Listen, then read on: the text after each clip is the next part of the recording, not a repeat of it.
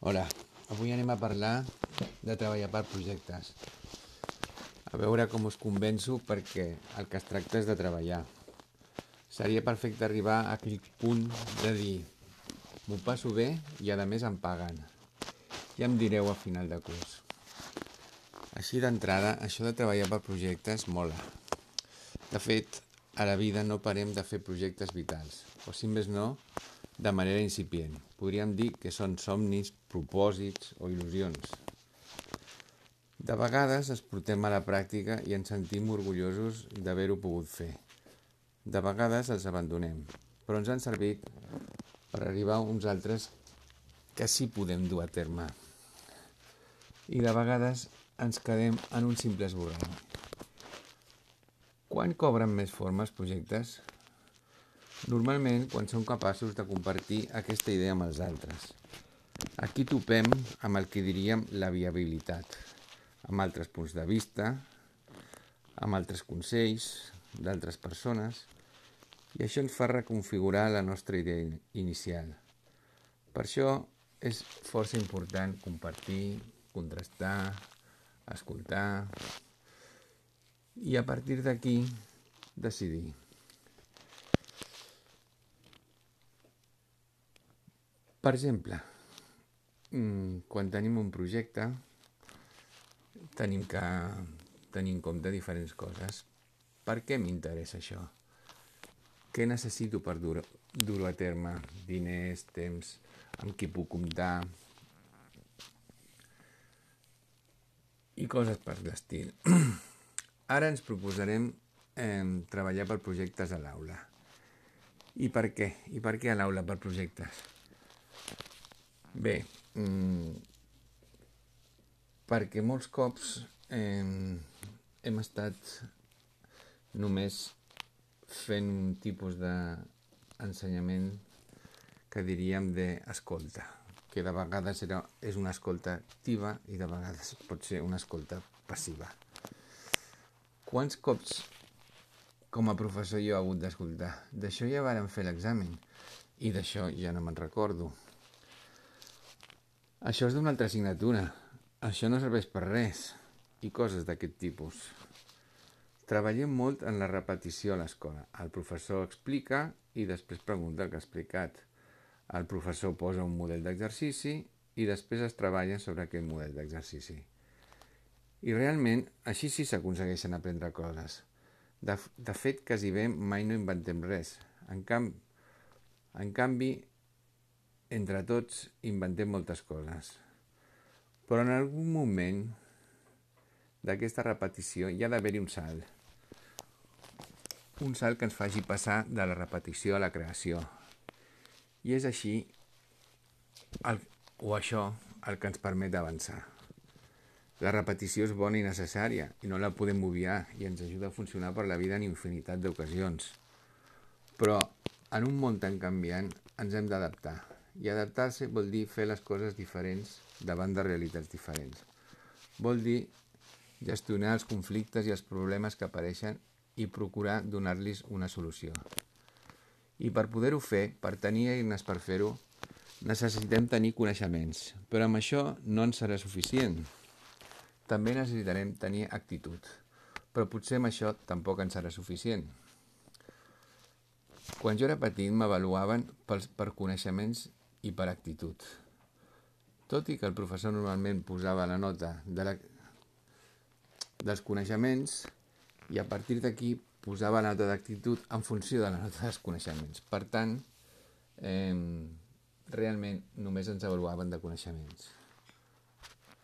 Ara apareix una nova vocabulari, una nova paraula al nostre vocabulari de d'avaluació, que és la paraula competències avaluar per competències, capacitats clau i coses per l'estil. I resulta que aquestes competències i capacitats clau van més enllà del coneixement. Ara estic pensant en un exemple. Eh, malauradament, doncs, conec una persona la qual doncs, s'ha tret un, un títol d'enginyeria bàsicament perquè el seu pare l'ha pujat força, que el seu pare és, és catedràtic d'universitat, és, és una persona que en sap molt i sempre ha estat al darrere del seu fill i el fill ha aconseguit eh, treure la carrera, efectivament. El pare ha estat molt a sobre, dia darrere dia, però veritablement a aquest noi li falten competències i, i tot i haver assolit els coneixements, pues, té problemes per treballar. Per què? Perquè li falten el que diem les competències professionals, que són totes aquelles habilitats i aptituds que tenen les persones i que ens ajuden a desenvolupar una feina de forma exitosa. D'això suposo que n'heu sentit a parlar. N'heu sentit a parlar d'unes competències tècniques pròpies de la professió, de, però també heu sentit a parlar d'unes competències transversals, que són les que t'ajuden a diferenciar-te dels demés i et fan aptar de... En aquest sentit, eh, les competències me, més eh, demanades per les empreses acaben sent les competències transversals.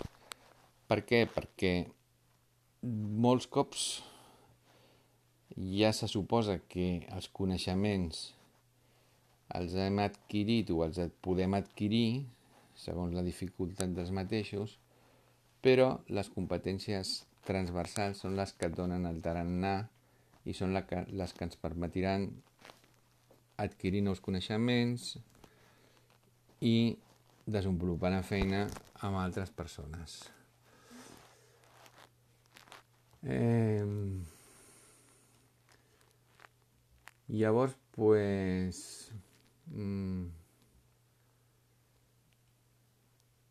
bueno, suposo que aquesta part me la podria saltar, però com penso que té bastanta relació amb els projectes, m'agradaria tornar-vos-les a repetir, perquè penso que una part important a l'hora de fer projectes precisament és treballar aquestes competències transversals. A banda de també treballar competències tècniques o competències de base, també és molt important treballar les competències transversals. Que aquestes, de fet, molts cops amb això que, amb aquesta manera de de fer la repetició dels exercicis, fer repetició del que us expliquen i tal, no es treballen. I això de vegades és el que crea una disfunció entre el que s'aprèn a l'escola i el que s'ha de fer la feina. Per això voldria incidir-hi de nou. Val? Suposo que ja la recordeu, però bàsicament eh, serien el treball en equip, que evidentment si fem projectes l'haurem de els farem en equip. La responsabilitat la iniciativa la relació inter, interpersonal la disponibilitat per aprendre i tot això en el fons és el que també agafa el nom de capacitats clau que venen a ser una mica quasi bé el mateix que les competències transversals, que serien la capacitat de resolució de problemes, la capacitat d'organització del treball, la capacitat de responsabilitat del treball, la capacitat de treball en equip, la capacitat d'autonomia, la capacitat de relació interpersonal i la capacitat d'iniciativa. O sigui que bàsicament el que estem fent quan parlem de competències és no posar davant la paraula capacitat. En diem responsabilitat en comptes de capacitat de responsabilitat. O diem iniciativa en comptes de capacitat d'iniciativa.